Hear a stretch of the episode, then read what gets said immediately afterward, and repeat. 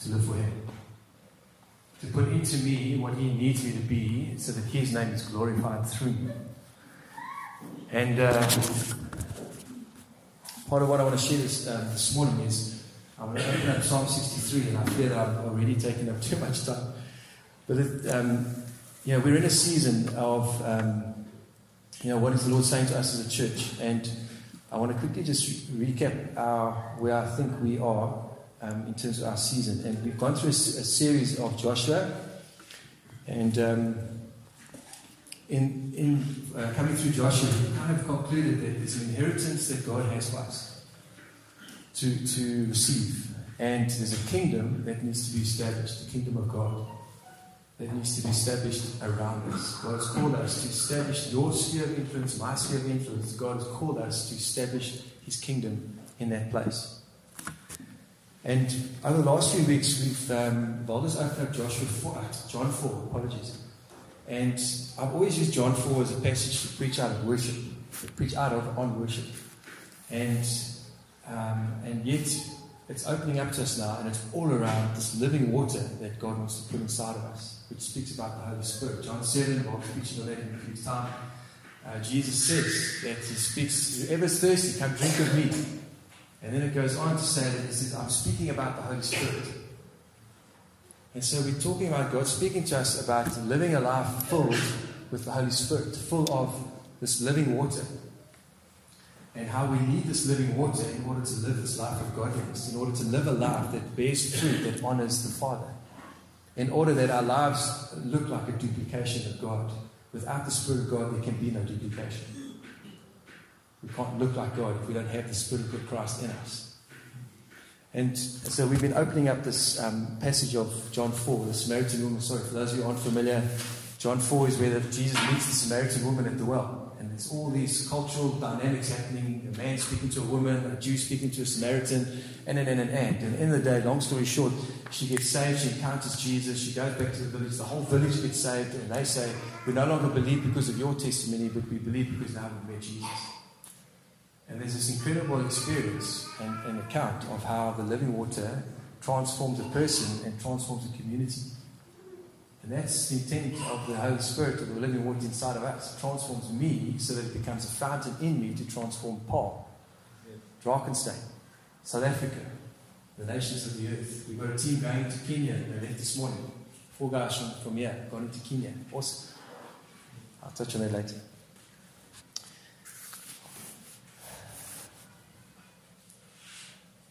The thing that Jesus highlights in John 4 is he shows this woman that actually you are thirsty for something. Jesus says, if you, if you ask me for water, I'd give you water that you never thirst again. She's going, oh, well, give this to me. What is this? What is this water? But he highlights to her that you actually you are thirsty for something. And one of the things that I think the Lord is showing us is that we need to realize and acknowledge that we are thirsty for something. Almal van ons is dors. Almal van ons is dors vir iets. En almal van ons drink van 'n bron van iets. 'n 'n fountain of something. Wat dit is. Op 'n nou dan. Um and he showed us and for her he said to go call your husband and she said I don't have a husband. He said you're right. You've had five husbands and the man you're with is not your husband. And he showed her that's what you're drinking of. You're trying to find your fulfillment in men. And the Lord's talking to us about this. Jesus says, You must drink of me. I'm, I'm, that, I'm that man that, that's going to fulfill you, obviously, in, in the right way, the, the living water. And um, we're going into see, we're going to look at the book of Acts. And if you look at Acts, Jesus says to them, and I wanted to potentially start with, with this. Um, but Jesus says to the, the disciples before he ascends, He says, Go into Jerusalem and wait for me. Well, not for me, wait for the promise of the Father. I'm going to send you the promise of the Father. He says, I think it's in John 7, he says, um, I need to go that, no, it wasn't John 7, later. I need to go that we can send another who will be with you. He will lead you into all truth. That's the Holy Spirit. And so, in Acts, when he says to them, go and wait, that's the promise he's speaking. Wait for the Holy Spirit. Um, it's at the end of uh, Luke, I think it is. And, um, and he just tells them, go to Jerusalem and go and wait there. He doesn't tell them how long. Doesn't tell me what day the Holy Spirit's coming, what time the Holy Spirit's coming. He just says, go and wait until you're filled with power. And what happens? They're filled with power, and the whole of Acts is all about them going on mission. It's all about them advancing the kingdom of God. It's all about them taking their inheritance, that which God had for them. They began to walk it out, filled with this living water and the Holy Spirit, um, which is the living water. So we're going to look at Acts over the next couple of months. And, um, and so Psalm 63, I'll just ask if I would uh, um, preach on this. Um, are you keeping time? Um, because the last time was a 50 minute preach. and I need to chop that. Um, but Psalm 63 uh, is, is a scripture that uh, speaks about this living water. Okay? And I'm going to try and unpack it and I'm going to, speed up the process quite considerably in order to, um, to get through what uh, I think I need to get through. But uh, Psalm 63 is written by King David. And a quick um, background of, of what happened is King David is king. He's king of Jerusalem. Okay? And um, what happens is his son Absalom uh, starts a rebellion against his own father. And he, uh, his father actually uh, invites him back or welcomes him back into Jerusalem. And for three years, his father David doesn't talk to Absalom. So Absalom eventually just says, Man, why did you bring me back? Why am I coming back to Jerusalem and sit in isolation? Um, anyway, so eventually he starts winning the favor of Israel. The Bible says he won the hearts of, of Israel. And news comes to David. It says Absalom has won the hearts of Israel, of the men of Israel. And what does David do? He fears. He gathers all his people, all his loyal followers. He said, I think the word says he left 10 concubines in the palace in order to just take care of them, keep it clean. But he flees. And he ends up in the wilderness of Judah. Okay? This is the king. Right? He is the king. Not someone else has been made king and now he's got to flee for his life. He is still king. And he flees for his life. And Absalom starts a rebellion. And, uh, and he ends up in this wilderness of Judah. And he begins to write the song. All right? And here's the cry of his heart Oh God, you are my God. Earnestly I seek you. My soul thirsts for you. My flesh faints for you, as in dry and weary land where there's no water. So I have looked upon you in the sanctuary, beholding your power and your glory. Because your steadfast love is better than life, my lips will praise you. So I will bless you as long as I live. In your name I lift up my hands. My soul will be satisfied as with fat and rich food, and my mouth will praise you with joyful lips. When I remember you upon my bed and meditate on you in the watches of the night, for you have been my help, and in the shadow of your wings I will sing for joy. My soul clings to you your right hand upholds me. But those who seek to destroy my life shall go down into the depths of the earth. They shall be given over to the power of the sword, and they shall be a portion for jackals. But the king, speaking of himself, shall rejoice in God. All who swear by him shall exult, for the mouths of liars will be stopped. So there's an incredible psalm that he writes in this place of fleeing for his life. Absalom wants to kill his father, not just um, dethrone him, wants to take him out. And so he's in this place of fleeing for his life. He's meant to be king, and he's stuck in this dry and weary land. He finds himself in this dry place. And, uh, and he says, Lord, as this land needs water, so I need you. And there's this deep cry within his heart. I want to open this up in five points. I've divided this, the scripture into five sections. And the first one is David's desire. All the D's, uh, NCMI alliteration coming. David's desire. O God, you are my God. Earnestly I seek you. My soul thirsts for you. My flesh faints for you, as in a dry and weary land where there's no water. So I've looked upon you in the sanctuary, beholding your power and glory. So we might look at this and go, oh, that's David's story. That's his testimony. That's his passion. That's his spirituality. That's his relationship with God. But I think as we read it, it shows us a picture of the true state of man, true state of true, true state of all of us is that actually there's this deep thirst and hunger inside all of us that can only be satisfied by, oh God, you are my God. It's the only one and, and the only thing that satisfies. John 4, Jesus speaks um, of this thirst, as I've mentioned earlier. And on the cross, when Jesus dies, uh, just before he dies, he says, I thirst. And what happened on the cross? The Father turned his face away from his Son. And this, this separation between Father and Son, presence of God lifted off of Jesus. And what happens? Jesus says, Oh, I'm thirsty. And that thirst is the presence, is the living water, the presence of God, that living water that only, uh, that, that only satisfies. And all of us have that thirst. I'm not sure if we acknowledge that or if we're prepared um, to acknowledge that. In the physical environment of dryness and, and the wilderness, David begins to call out and, uh, and, and compares the thirst of his soul to the thirst of the land. He calls out, Oh God, you are my God. Those words, God, it's Elohim. Oh Elohim, which means creator God. Oh creator God, you are my God. That God is El. Sorry for all the Hebrew. But oh God, you are, which means strong one. So he says, Oh creator God, you are my strong one. That's the cry of his heart. And I think we've used the word God in our English language and I get me an Afrikaans. Well, sometimes I mean God is just sometimes it's oh God, help. And, and we use God as a, not such a great word to honor who he is to honor his character, to call on his nature, to call on his faithfulness, to call on actually who he is. And here he cries out, Oh, Creator God, you are my strong one. Sometimes we need to call on, on the name of the Lord based on who he actually is, on his name, because that's the name that is needed for our moment, our situation, our, our, our circumstance. In John 4, Jesus says to the Samaritan woman, If you only knew who asks you for a drink, you would ask him. She didn't know. David knew. David knew who, this, who, who it is that can quench his thirst, and he called out. In other words, David's saying, In this place, Lord, in this place I'm in, I'm calling on your name because I know that I know that only you can quench this thirst of mine. Knowing God makes it easier to call on Him. Right. hey, if we know the nature of God, if we have memories of, you know, I'm going to open this up later, but as we have memories of what He's done, when He saved us, the day of our salvation, what happened on that day? Do we remember that moment? And because of that moment, in this situation, Lord, I call you that Redeemer. Whatever your um, experience understanding and knowledge of, of who God is. David goes on to say, Earnestly I seek you. That word earnestly often gets used early. Early I seek you. Another meaning for the word earnestly is immediately or with eagerness, I seek you. So there's a connotation, there's a, a meaning hidden in that um, earnestly of now. I seek you now. In this moment, I seek you now, Lord. Um, when they talk about the early, there's this example of getting up early in the morning. Why? To, to have the first thing that goes through our, our, our heart, or the first thing that fills us, is not the concerns and the worries of the world, but is this living water that reminds us that this is who God is. The living water that declares to us, this is God, this is, this is who is, this is your God, this is your God. And so we drink of this living water. We step into our day with an understanding of, oh, Creator One, you are my strong one.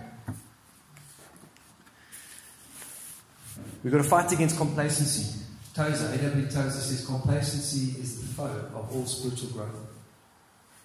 Complacency, comfort, convenience. Spurgeon says, He who truly longs for God longs for Him now. Right now. As you sit here, do you long for God? Or are you waiting for me to finish the preaching?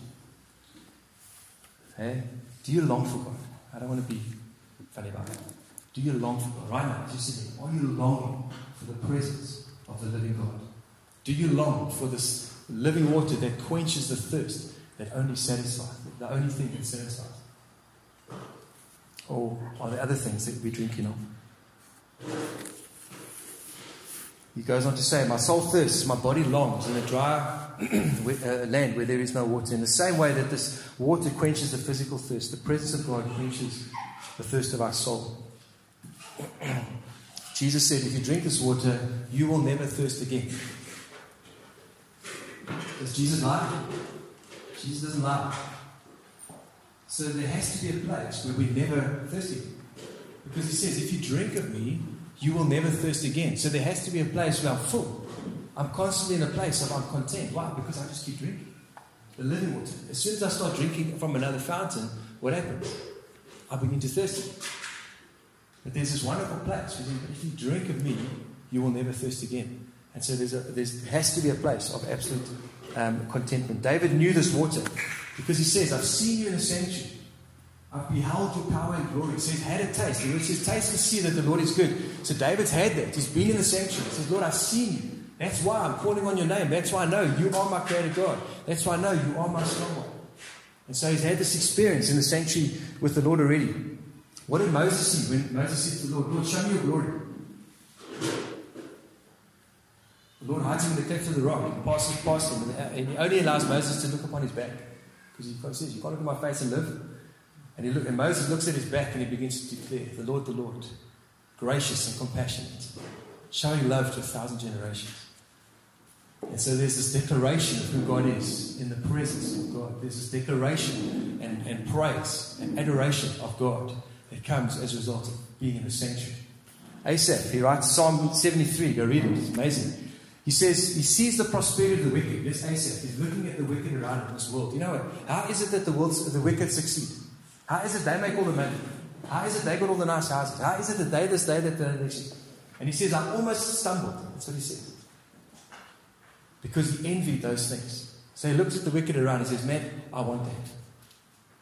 And he says, But I almost stumbled. Until I went into the sanctuary of the Lord. And something happened in his perspective, something happened in his desire when he, when he went into the presence of the Lord. He said, In the sanctuary, he realized, he says, I saw their end. I saw that if, if that's what they're pursuing, the end of that is death. The end of that is separation from God. The end of that is destruction. The end of that is sin. And it's the pit. And he found himself in the sanctuary and he got perspective. Do we need perspective? Do we need direction? Do we need hope? Do we need peace? What do we need? Do we need? Are we thirsty? Are we hungry? It's the sanctuary, the presence of God that's going to fill that. The second part of the scripture is David's delight. David's desire, David's delight. Okay? Because your steadfast love is better than life, my lips will praise you. So I will bless you as long as I live. In, in, in your name, I will lift up my hands. My soul will be satisfied as with rich and fat, uh, fat and rich food, and my mouth will praise you with joyful lips. And this is the result of being in the sanctuary. Because I've seen you in the sanctuary. What happens? Fuck, my lips were praise you. I've seen you, seen you in the sanctuary, and I can't help but shout out your praise. I can't help but declare, This is my God, this is who you are. I can't help but cling onto you and hold steadfast to you. I can't help but pursue you with all my, with all my heart and with all my life. Why? Because I've seen you um, in the sanctuary. Remember where he is. He's in the wilderness, he's in a desert place. And yet, look what comes out of him. There's this praise, there's this love and adoration for, uh, for his God. Um, the shout, praise unto God, praise, praises out. Uh, oh, Creator God, uh, you are my strong one. Because your loving kindness, my, because of your loving kindness, my lips will praise you. That word praise is um, shabach. I, I, like doing this because the word uses praise often, but it's different meanings. It's a different Hebrew word for it. And that shabach means um, to highly praise or to laud, uh, to make, make, a, um, make much of. And so he says, because of your loving kindness, it's interesting um, John 3.16 says, God so loved the world that he gave his only begotten Son. That whoever, uh, that, that, uh, sorry, I've got to start from, from the beginning. God so loved the world that whoever, God so loved the world that he gave his only begotten Son. That whoever believes in him, no, shall perish and have eternal life. Sorry, that's what happens when you stress. Um, and so the emphasis of love is out of love, God laid down the life of his Son.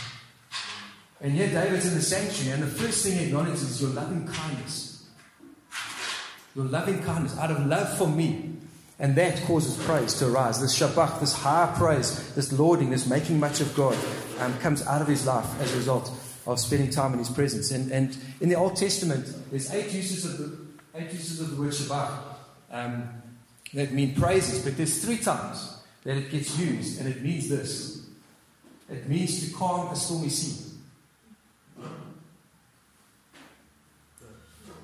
Uh, Proverbs 29:11 says, "A fool vents his feelings, but a wise man holds them back." That hold is shabach, praise. A wise man holds back the venting of emotions. And it speaks about silencing the lies and the voices that are inside our heads. It speaks about singing a praise, declaring or saying a praise, declaring a praise that silences what goes on here. No one can see this. But yet there's a praise that arises in the presence of God. It's that where our minds are full of things. And the Lord says, Praise me. shabach. Silence those things. Because if you listen to those, what's going to be the fruit of listening to those lies? Beautiful picture. 2 Corinthians 10 says, For the weapons of our warfare are not flesh but have divine power to destroy strongholds. We destroy arguments and every lofty opinion raised against the knowledge of God, and we take every thought captive to obey Christ. That's shabach. Every thought that is in disobedience to the word of Christ, to this living word inside of me, I raise up praise to silence that thing. Why? It needs to bow to the authority of Jesus inside my head, inside my thoughts, my emotions. David continues to delight. He says, I will bless the Lord as long as I live. Okay? This living water is a fountain that overflows out of us. It just keeps coming. It keeps coming. All right? There's an outward expression where he, talks about, um, I will raise up my hands. There's an outward demonstration of our praise and our adoration of God. It's not something, it's me and Jesus. It's me and God, and no one else knows about it. But there's this outworking, this outburst. David dances before the ark when it comes back into Jerusalem. He gets undignified. He just, why? He can't help it. Because have you seen the presence of God is coming back? The presence of God is coming back to Jerusalem. And there's this overflow. There's a song by MercyMe. It's called Happy Dance. In American, it's Happy Dance. It says this Hey, you in the back of the room with those concrete shoes. It's okay to cut loose because it ain't about how you move, but what moves you. Yes, it's awesome, man. and so I worship and I pray. It should look so different here. Why? Because it's not about how we move and how we dance. But it's about what's moving me inside. And so when I'm worshiping and I'm praising the living King and I'm filled with this living water, I can't help but shout out. I can't help but sing out these joyful songs. I can't help but declare.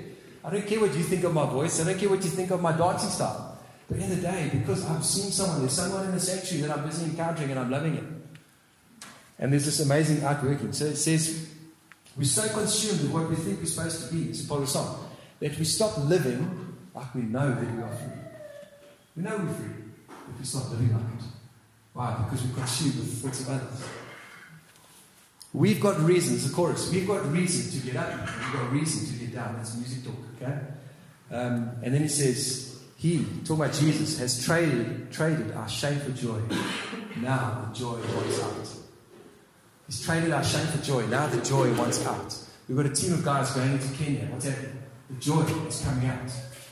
They're going into nations of the earth so that the joy of the gospel can come out of them and impact that nation. That's, the, that's this living water inside of us. The joy wants out of you, the joy wants out of me, so that others can drink of this living water um, that is inside of us. Okay.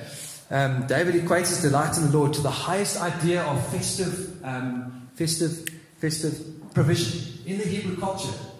When, when, the highest idea of incredible abundance and wealth and all that was when they had this massive banquet and it involves fat and um, abundance. The, the, words are, I'll tell you what the words are used there. It says marrow and fatness, but that marrow refers to fat, and that fatness refers to abundance. So this is a massive spread. So think about your favorite, favorite, favorite meal. Not because you're hungry and you just grab anything that you want to eat, your favorite meal. That satisfies everything when you sit down and you go, yes, that was amazing. The tastes were phenomenal. The combination of the tastes was absolutely perfect, etc., etc. That's what he's comparing it to. As my, my body is satisfied with the be, best display of food and, and me consuming that, so am I satisfied in my God. And what comes out of that is that more songs, more praise. My mouth praises. And that, that word praise is halal, which speaks about boast. That scripture you spoke about in the prayer. Um, which, so as a result of feasting on this God, I'm going to boast about my God. Jeremiah 9 says, Thus at 23, Jeremiah 9, 23 and 24 says, Thus says the Lord, let not the wise man boast in his wisdom, let not the uh, mighty man boast in his might, and let not the rich man in his riches, but let him who boasts boast in this, that he understands and knows me. David understood and knew God. In a place of wilderness, in a place of dryness, he begins to call on his name and he begins to worship and exalt. Why? Because he understood and knew who God was that I am the Lord who practices steadfast love, justice, and righteousness in the earth. For in these things I delight, declares the Lord. Paul quotes us in 2 Corinthians. He says, Let him who glories, glory in the Lord. So this shabach and this halal, this praise that comes from David, is a direct result of this living water that he's drinking of. This fountain that he drinks of in this dry and weary, weary land. The third part of it is we've got desire, delight, thank you, and devotion. Okay? When I remember you upon my bed and meditate you, meditate on you in the watches of the night, you have been my help, and in the shadow of your wings I will sing for joy. My soul clings to you, your right hand upholds me. Upon his bed, in the stillness of his night, David chooses to meditate on the things of God. I've often heard um, stories, and it's happened to me. I'm lying in bed at night, and my mind is consumed. I can't sleep. I'm tossing and I'm turning and I'm tossing. Why? Because I'm thinking about this and the center and employers and students and this and the next thing and the next thing and the next thing. And David says, He, he chooses in the stillness of the night. I've made it my place of meditation. I've made it my place of considering who my God is, to think about the things um, of my God. He remembered that the Lord had helped him, and he remembered that the Lord had um, upheld him. If we don't know who the Lord is and remember what he's done, what do we meditate on? And if it's something that God did many, many years ago, maybe we've forgotten. And so our meditation is, oh, no, no, in meditation. And so our meditation often doesn't last. Maybe. David, through the watches of the night, that word watches of the night talks about different shifts throughout the night. And he's talking about there's this long, extended season and period of waiting, waiting on God, meditating on the things of God, pushing everything that's exalting itself against the knowledge of God, pushing it out. I'm, uh, I'm in my head, I'm shabbaching in my head. Okay, the Holy Spirit, the living water, the purpose behind the living water in us, because um, Jesus says the Spirit will remind you of all things. He will remind you of the things that I've taught you. He will reveal the Father to you. And so that's the work of the living uh, water inside of us, to reveal the Father to us, to remind us of the things um, that God has done in us. John 16, when the Spirit of truth comes, He will guide you into all truth, for He will not speak of His own authority, but whatever He hears, He will speak, and He will declare it to you, the things that are to come. He will glorify me, said Jesus telling the disciples about the Spirit, um, for He will take what is mine and He will declare it to you. Imagine the Lord telling you, This is what I'm going to do. Why are you busy meditating? Oh, Lord, you can do that in me. You can do that through me. You can do that here in Paarl. You can do that in this nation. Have you seen the state of our nation? Have you seen what's going on? Lord, did you hear about the robberies that just happened in Paarl's center town? Are you going to do that? And what do we meditate on? And yet the Spirit of God wants to speak to us. The living water wants to speak. He said, But this is what I'm doing in this place. This is what I'm doing in you. This is what I want to do through you. And this is what I'm doing in Paarl. It's what I'm doing in Drakenstein. It's what I'm doing in Western Cape. It's what I'm doing in South Africa. And it's what I'm doing in the nations of the earth. oh, help me, Lord. Sometimes I'm consumed with the things of my own, own thoughts. Eh? David is reminded of what the Lord has done. More rejoicing comes out of it. He says, I will sing for joy. That singing for joy, it talks about, it's another word now, renan. It talks about shouting joyfully.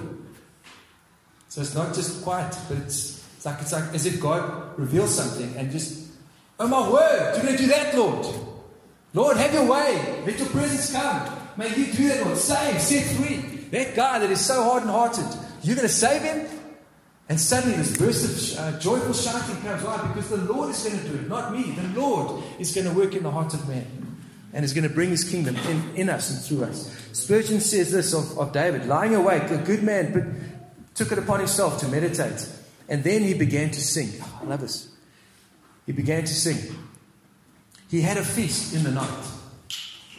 He's in the wilderness. And here's David, he's feasting.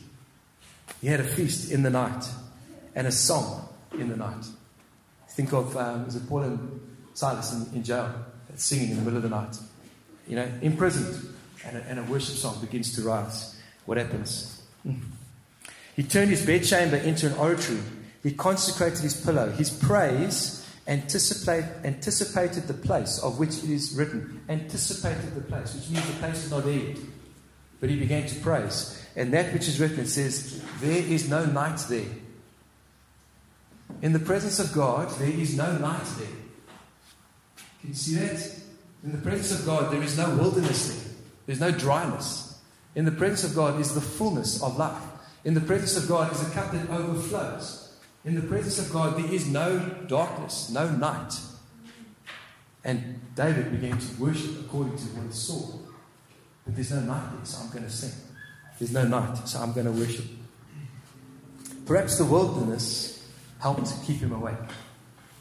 Sometimes, do you think we need the wilderness? To keep us in a place of, oh God, oh Creator God, you are my strong one. If there's no wilderness, I think the comfort sets in, and okay, Lord, we don't need you anymore. Okay? We don't quite say that, but somehow we live like it. Um, listen to this. If day's cares tempt us to forget God, in other words, if the worries of the day tempt us to forget who God is, it is well that the night's quiet should lead us to remember Him. Oh, hear that? If the busyness of the day and the worries and the cares of the day tempt us to forget God, then may we find a quiet place at night that we may be reminded of who God is. Otherwise, how are we going to face the next day? It's crazy. it's crazy. Lord, speak to us in this quiet place and in the darkness and on our pillows. Speak to us, Lord. Listen to this. We see best in the dark if there we see God best. Can you understand that? We see best in the dark if there we see God best. So, in other words, if our best glimpse and vision of who God is happens in the dark, well, then stay there. At night, stay there. Seek Him in the dark place. Seek Him in the wilderness because that's where our perspective of His greatness, of His faithfulness, of His goodness, of His loving kindness, and all of who He is, if that's where that character nature of who God is is displayed, well, then stay in the wilderness. In a sense, that's effectively what He's saying. Because somehow we forget the, the best of God when we're not in the wilderness. that's just typical of our nature. Time. How much time left? Okay. Thanks, love. So Andrew Murray says um, the believer must, must understand that he has no power of his own to maintain his spiritual life. I'll move on. The fourth part of this scripture is um, David's dread. Dread, David's fear. Okay? I use dread just to try and keep the alliteration. But those who seek to destroy my life shall go down into the depths of the earth. They shall be given over to the power of the sword, and they shall be a portion for the jackals. The reality is, guys, uh, friends, family, there, are, there is an enemy that seeks our destruction. David's son, own son, rose up against him to take his life. Wanted to dethrone him, Absalom wanted to be king. The reality is, the Bible says there is an enemy that roams around the earth seeking whom he may devour. And so the, the modus operandi, the purpose and plan of the enemy is to destroy you, is to bring death to your soul. That is his plan. Not to be nice, his plan is to destroy you. And we need to live with an understanding that that is the case. John 10 10. The enemy comes to steal, kill, and destroy, but Jesus has come to give life, living water, and life in abundance. The enemy's mission is to take away your waiting, take away your seeking, take away your watching, take away your patience. Um, is to stop you from shabaching and to stop you from alalling and to stop you from ranani. That's the plan of the enemy. Because what happens when you start shabaching? You start declaring and remembering this is who God is. When we stop that, and suddenly the enemy says, There you go. You need, you need to walk in my ways. And we start believing the enemy. Our typical nature, Israelites in the wilderness, they forgot who God. Whole generation didn't step into the promised land. Why? Because they forgot. Winced, moaned, whined. Elijah defeats the prophets of Baal. Amazing. And then Jezebel threatens him. And what does he do? He runs for his life. He's just defeated all these oaks. And one lady threatens him and he disappears. He forgets. Oh, forgets who God is. Amazing. And maybe David, yeah, forgot who God was when he fled Jerusalem. Why would he flee? He's king. That's his declaration of God. Oh God, you are my God. So then why did he flee? Good question. And so we need to understand, live, understand the enemy is out to destroy us. Not in fear. We don't live in fear of it. But it should keep us in the place where we are filled with this living water. Keep us in a place where we are before the presence of God and we're allowing Him to fill us. And the last point is David's decision. Last D. David's decision. But the king, but the king shall rejoice in God. He made a decision. In this wilderness, in this place of dryness, I'm going to decide, I'm going to choose. I'm going to worship my God. I'm going to rejoice in my God. The Bible says, rejoice in the Lord always. And again, I say, rejoice. It says of Jesus, for the joy set before him, he endured the cross. And then Jesus himself says, the world doesn't have a hold on me. The world does not have a hold on me. Does the world have a hold on us? What fountains are we drinking from? 2 Corinthians 4 says, We do not lose heart, though outwardly we are fading away. Inwardly we are being renewed day by day. That inwardly being renewed day by day means because, that means because, is because we are drinking of this living water. We are drinking of this fountain that produces a life in me, that regardless of the wilderness, and listen to this, even though David was in the wilderness, there was no wilderness in David. It's amazing how often the wilderness sets into my heart, dries it out. And I've got to get back into the presence of God and say, Lord, you are my God. Let's come and quench this, wet this land again. And so, oh God, you are my God today. Oh God, you are my God now. Earnestly I seek you now. Earnestly uh, now I desire your presence. Now I desire this living water. And so oh, may we desire you more than anything, Lord. May we delight in your loving kindness, leading to unending praise. And I'm finishing with this. May we devote ourselves to seeking the Lord, and may we dread the enemy, fear the enemy to cling to God. Not fear the enemy to live in fear, but fear the enemy to cling to God. That we may remember his strong, mighty right hand. And may we decide this day to rejoice in our God. And so we're in the season. Lord speaking to us about this living water. Stand with me quickly. I want to pray for us.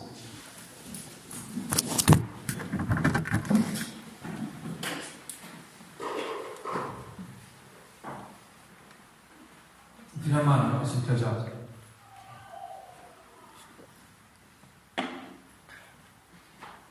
We're in the season. The Lord is speaking to us about living water. And as we proclaim, the Psalm 63 is just a picture of a man who understood and knew what it meant to drink of this living water. And in the midst of his life and circumstance, even from a bad decision. In fact, one of the things that um, is a reality of David is when, when Absalom rebelled against him, the Lord prophesied, said, Because of your sin, to David now, he's saying, Because of your sin, there will be sword in, sword in your family, which means there's going to be strife and struggle in your family. And so David's actually just going through the consequences of his sin. And yet, in the midst of that, he cries out to God and says, Lord, you are my God. And he begins to drink this fountain of water. And so, Father, as we stand before you, Holy Spirit, there's a work that only you can do in us. There's a work that only you can do in the heart of man, Lord. Your word says that you alone can take a heart of stone and make it a heart of flesh. So, Father, we stand before you. We just present our hearts to you. We hear your word this morning, Lord. I trust, Father, that you that you've washed over us, God. There's no judgment, Lord. We thank you for your word. There's no condemnation for those in Christ. But Lord, you are calling us and you are drawing us into your presence. You are calling us to seek you. You're calling us to drink of you because that's the kingdom of God in man. The kingdom of God has come to man. And so, Lord, may your kingdom be established in us. I pray for every person here this morning. And as I said, uh, now, oh God, earnestly I seek you. Now I seek you. I pray, Lord, that that would be the cry of every heart. I can't make people long for you, Lord. And people can't make me long for you, Lord. But Holy Spirit, we just invite you to come and do your work in us. Come and stir us. Come and call us. That in the watches of the night, Lord, that you would prompt our hearts. Early in the morning, Lord, you would call us into your presence. And God, you would find us in the sanctuary, Lord. And in the sanctuary, you would remind us of who you are. You would remind us of what you've done in our lives. When you saved us. And along this journey of, of walking with us, Lord, we've put up these altars that you did this for us. And you, you, you provided this area. And we had a breakthrough in that area. And you provided a home and schools. And and we got we, we fell pregnant and whatever those victories are that we have along our journey, that you would remind us of these things so that Lord, we have hope and courage for tomorrow. Hope and courage for tomorrow, Lord. In our nation, God, we pray for our nation. Lord, we need you in our nation, God. But we need in our nation, we need a people who are drinking of the living water, that we will not settle for the lies and the work of the enemy that seeks to destroy. But Lord, we will be those who bring the abundance of life into our places of influence. So when the conversations are all about what the enemy is doing, we would come and we would boast in the Lord. We would shout out joyfully of the greatness of our God. We would praise and proclaim the nature and the character of who our God is. And we would declare the purposes and the plans of our God, who is seated on our, our Creator God, our strong one. This would be the praises of your people, Lord. And so, Father, you alone can do that in us, God. You alone, Spirit of God. And so we ask, come reveal. Come reveal. Find our hearts turned towards you. Find our hearts seeking you, Lord. And as we seek you, Lord, your word says, we will find you. And so, Lord, come and satisfy that, that thirst. One of the things we prayed this morning, Lord, show us if we are drinking from another fountain. When Jesus encountered this woman at the well, he showed her, You're drinking of men. He didn't judge her for it. He showed her so that she could see, but you need a drink of me. And so, Lord, I pray when the enemy comes to judge and criticize and accuse, Jesus, you come to reveal so that healing can come, freedom can come, liberty can come, wholeness can come, salvation can come. Your purpose, Lord, is to bring the kingdom, to build, encourage, raise up, bring out of the darkness into the light. That's you, Lord. That's your nature, God, your loving kindness. And Lord, I just pray for that over us in Jesus' mighty name. Thank you, Lord, for the work that you have for us, what you've prepared for us as a people. Lord, come and do that in us. And let it be made known in this valley, Lord. Our, our Creator God, our strong one, this is who He is. In Jesus' name.